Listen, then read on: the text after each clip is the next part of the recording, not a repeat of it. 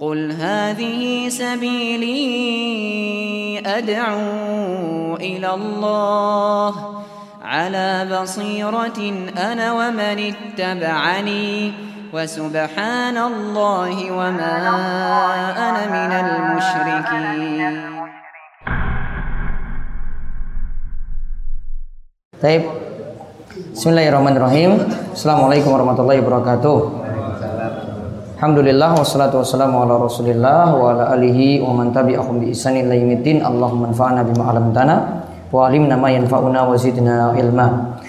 Baik, uh, sekarang sesi yang ke-10 dari pertemuan kita dari daurah kitab kali ini. Uh, masuk pada bab ke-8 di terjemahan bab ke-8 Ruqyah dan Tamimah atau dibawakan judul oleh Syekh Muhammad Maja'a firruqa wa tamaim yaitu tentang ruqyah dan tamaim tamimah. Ruqyah yang dimasukkan sini nanti mantra-mantra tamimah di sini maksudnya jimat-jimat Nah kali ini nanti tujuan pembahasan bab ini Lihat kalimatnya beda dengan kalimat di bab sebelumnya. Kalau kalimat di bab sebelumnya Jimat masuk syirik. Kalau di sini beliau ingin jelaskan umum. Nanti ada yang dikenal dengan istilah ruqyah Ada yang dikenal dengan istilah tamimah. Ada tamimah di sini yang menggunakan Al-Quran. Bagaimana hukumnya? Nah kesimpulannya dulu dicatat Tentang Hukum jimat dari ayat Al-Quran.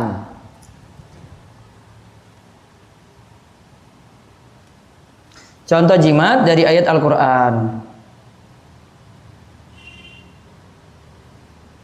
Ya, hukum jimat dari ayat Al-Quran. Kesimpulannya baiknya ditinggalkan dengan empat alasan. Kata Syekh Abdurrahman bin Nasir Sa'di ada empat alasan. Baiknya ditinggalkan. Termasuk di sini pakai ayat kursi. Termasuk ada yang pakai surat Al-Fatihah untuk jadi jimat.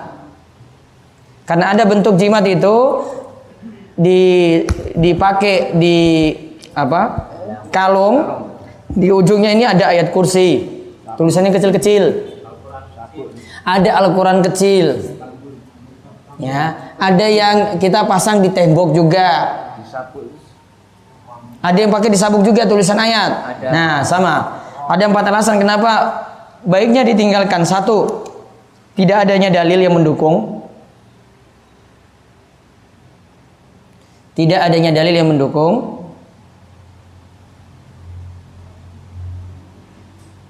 Yang kedua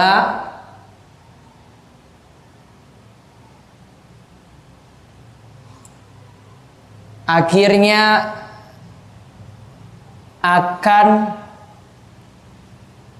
membolehkan jimat-jimat yang lain yang haram. Oh, kalau dari Al-Quran boleh, maka nanti pakai yang lain-lain juga berarti boleh. Membolehkan jimat-jimat lain yang haram.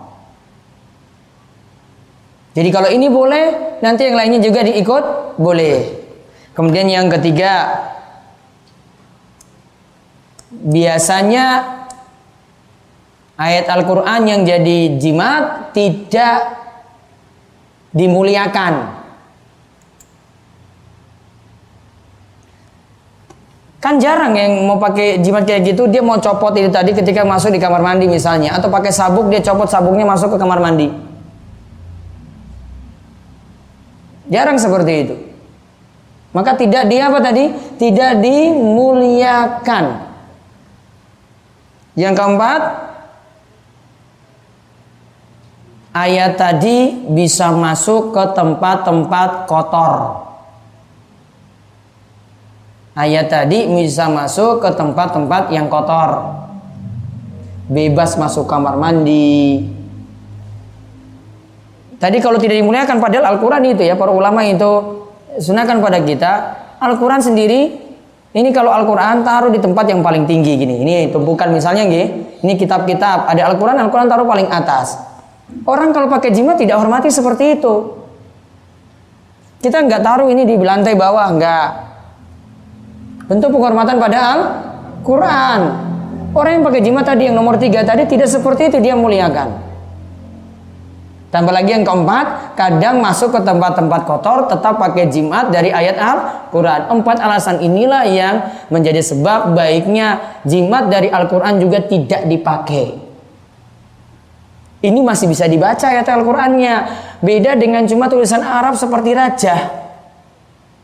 Itu nggak bisa kita baca. Jelas lebih tidak boleh. Jelas lebih tidak boleh.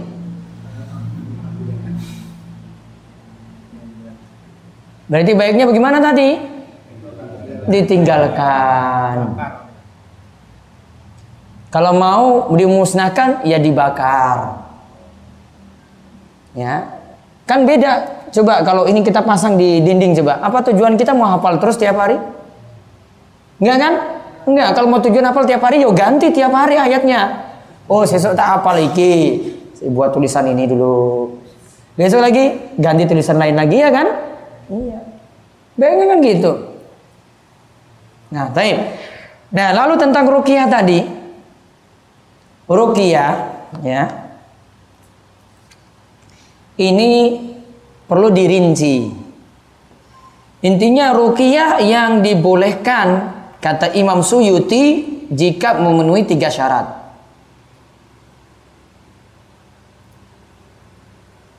Ini disebutkan dalam Fathul Majid ya. Rukiah yang dibolehkan itu jika memenuhi tiga syarat.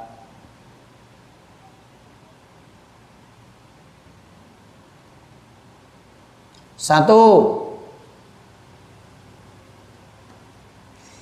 bacaan rukiah dengan menggunakan ayat Al-Quran.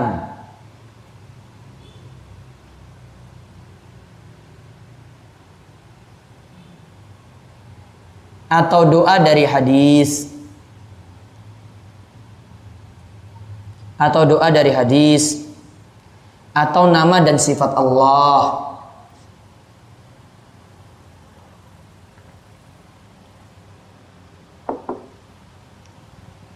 Dua, kata Imam Suyuti, menggunakan bahasa Arab atau kalimat yang mempunyai makna.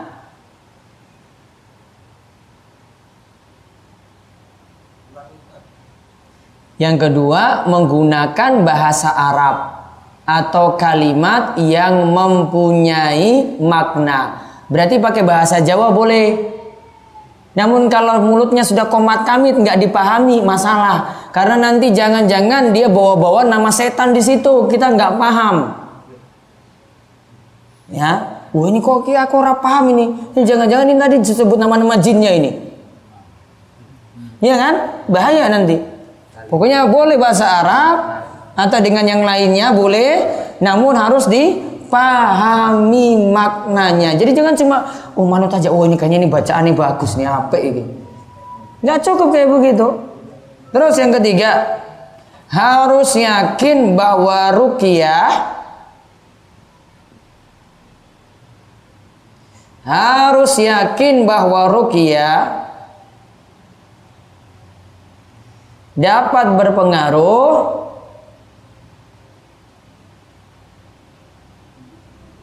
dapat berpengaruh dengan izin Allah. Dapat berpengaruh dengan izin Allah. Allah yang beri izin. Karena ada yang pakai rukyah pun nggak mempan-mempan. Tetap kesurupan. Tetap punya penyakit. Allah yang izinkan itu untuk sembuh. Tiga ini dipenuhi. ya dan hati-hati nanti kalau bahasanya sudah aneh-aneh. Ya, sudah ada isti'anah minta tolong pada jin. Wah, itu kalau sudah keluar kayak gitu bahaya ini. Kok ini disebut jin-jin ifritnya gitu. Nah, ini sudah masalah bacaan rukiahnya. Maka kalau memenuhi syarat tadi boleh dipakai rukia. Ini rukia yang syar'i boleh. Namun kalau tidak memenuhi tadi nanti yang kita sebut jampi-jampi mantra-mantra. Taib dibacakan dalilnya. Diriwayatkan dalam Sahih Bukhari dan Muslim dari Abu Bishr. Al Ansari radhiyallahu anhu dia bercerita bahwa dirinya pernah bersama Rasulullah Shallallahu Alaihi Wasallam dalam satu perjalanan. Beliau lantas mengirim utusan untuk mengumumkan, tidak boleh membiarkan kalung dari tali busur panah atau kalung apa pun di leher onta kecuali harus diputuskan. Ya. Sebentar, itu diberi perbaikan Abu Bashir. Sudah dua kitab saya lihat Abu Bashir bukan Bishir.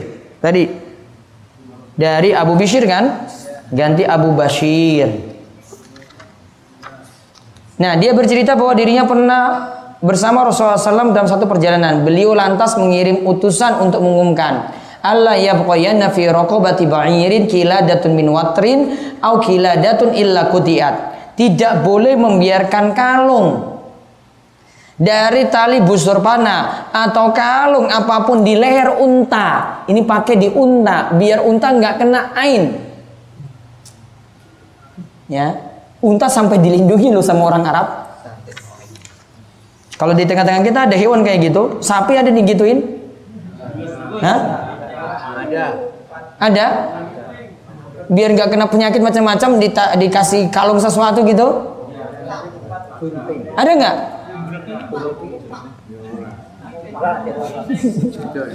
Kalau di sini, jadi unta tadi dipakaikan kalung biar nggak kena ain. Unta sampai disayang kayak gitu loh, unta itu, unta. Ya mungkin kalau tengah-tengah kita di sapi itu di kandangnya atau di apa dilindungi biar nggak ada yang rampok, biar nggak ada yang ngambil, biar nggak kena penyakit gitu bisa.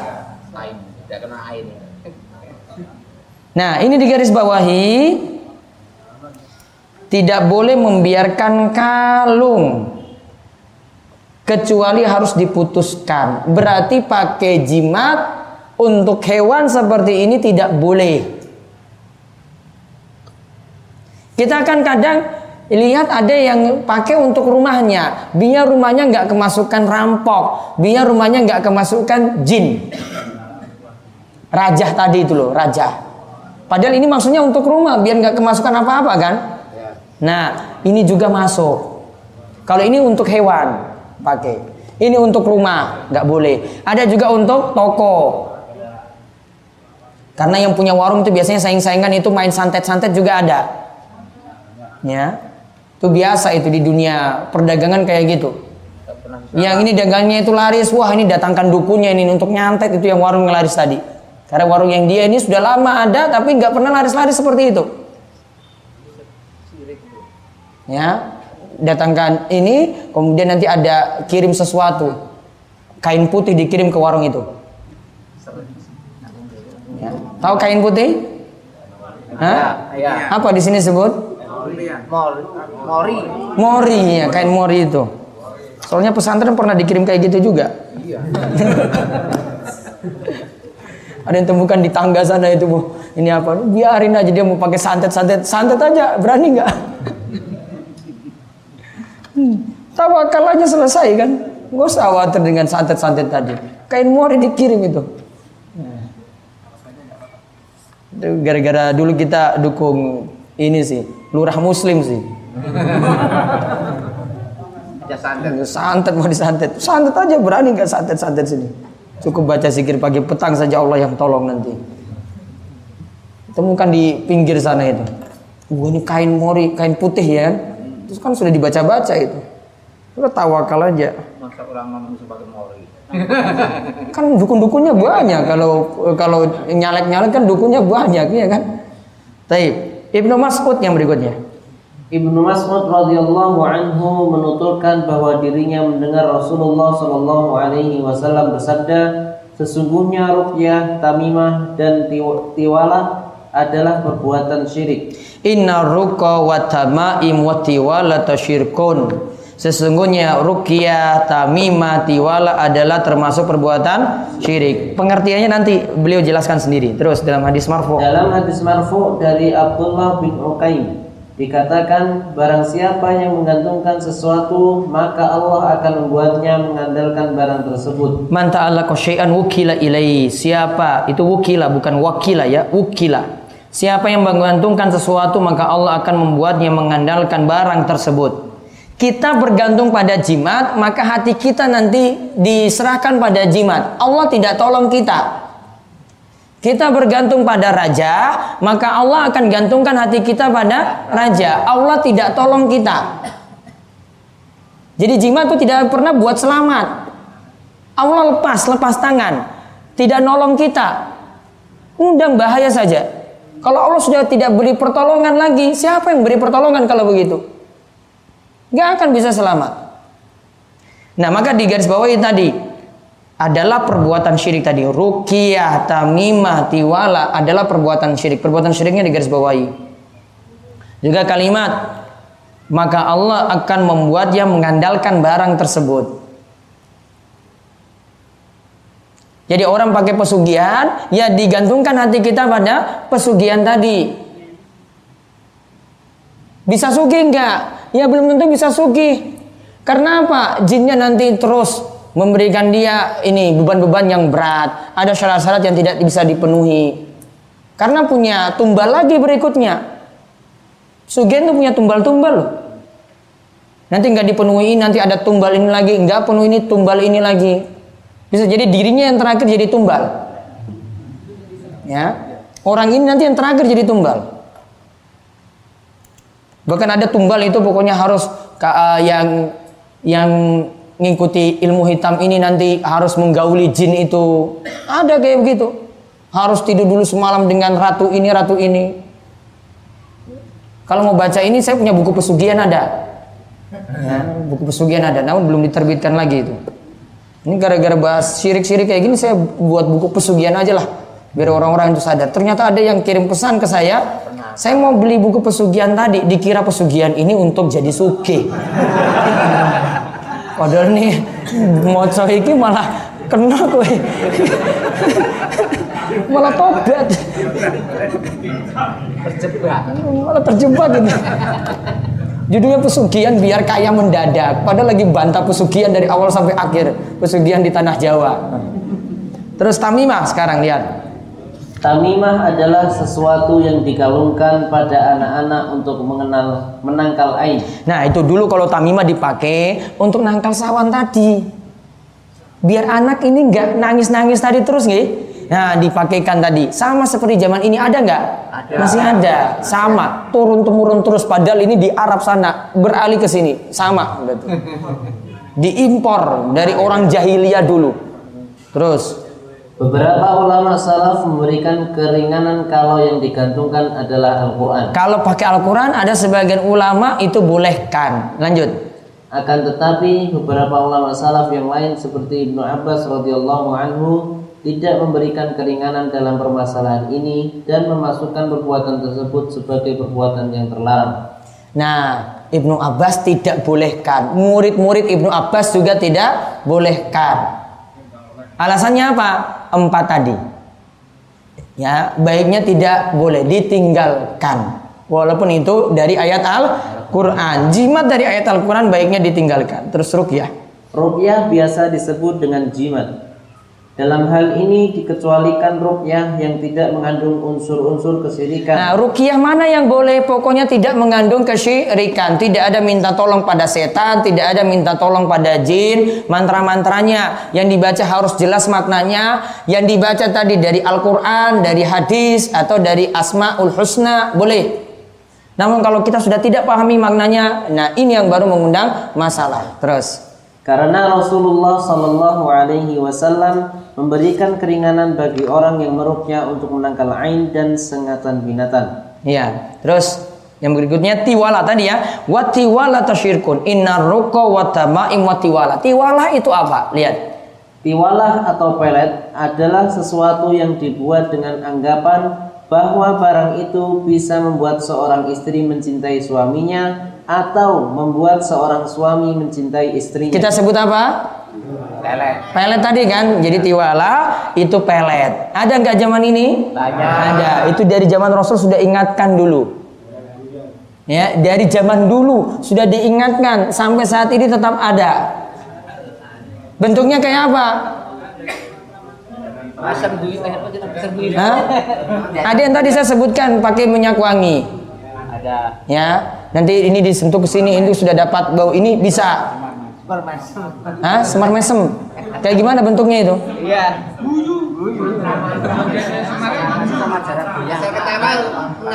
Soalnya saya dapat info-infonya cuma dari internet, nggak pernah lihat di dunia nyata, nggak tahu ilmu-ilmu hitam kayak gitu. Cuma tahu wow ini. Karena di internet dilariskan juga. Mau beli mau pesan pelet ini nanti ada. Itu ada seperti itu. Dukun-dukun banyak di internet juga, hati-hati.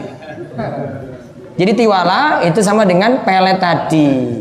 Terus Imam Ahmad. Imam Ahmad meriwayatkan dari Ruwaifi radhiyallahu anhu bahwa Rasulullah shallallahu alaihi wasallam bersabda kepadanya, "Wahai Ruwaifi, semoga umurmu panjang. Oleh karena itu sampaikanlah kepada halayak ramai bahwa barang siapa yang menggelung jenggotnya Menggelung jenggotnya. Ya.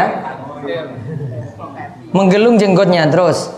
Mem- memakai kalung dari tali busur panah atau beristinja dengan menggunakan kotoran binatang atau tulang maka Muhammad berlepas diri darinya Muhammad berlepas diri darinya. Kalau Nabi berlepas diri berarti perbuatannya masalah. Tiga hal di sini. Nabi katakan pada Ruwaifi, "Ya Ruwaifi, la alal hayata satatulu bik." Wahai Ruwaifi, mudah-mudahan umurmu itu panjang. Dan memang Ruwaifi itu diberikan umur yang panjang oleh oleh Allah Subhanahu wa taala berkat doa Nabi. Wahai Ruwaifi, ingatlah, kabarkan pada orang-orang, jangan tiga hal ini dilakukan. Menggelung jenggot tadi, ini tujuannya ini sebenarnya ada maksud-maksud tertentu, ada bentuk kesombongan dan yang lainnya. Kayaknya dulu penampilan orang Arab itu dari jenggotnya ini, kalau makin panjang kemudian lihat penampilannya kayak gitu makin ganteng berarti dikira. Nah ya, ini catatan diberikan menggelung jenggot ini dalam rangka untuk sombong. Jadi sombongnya orang Arab tuh dengan jenggotnya itu digelung-gelung gitu. Nah. Diikat gitu ya. Dan ini biasanya dilakukan ketika perang. Dan ini biasanya dilakukan ketika perang. Nah, terus yang kedua yang dilarang memakai kalung dari tali busur panah. Ini tadi yang di antara bentuknya taruh di unta misalnya. Jimat berarti. Ya, ini Nabi SAW katakan Nabi berlepas diri. Yang ketiga istinja cebok lalu dibersihkan dengan menggunakan kotoran binatang atau menggunakan tulang. Berarti kalau beristinja dengan kotoran binatang nggak boleh, menggunakan tulang juga tidak boleh. Terus waki. Ya siapa tahu ada.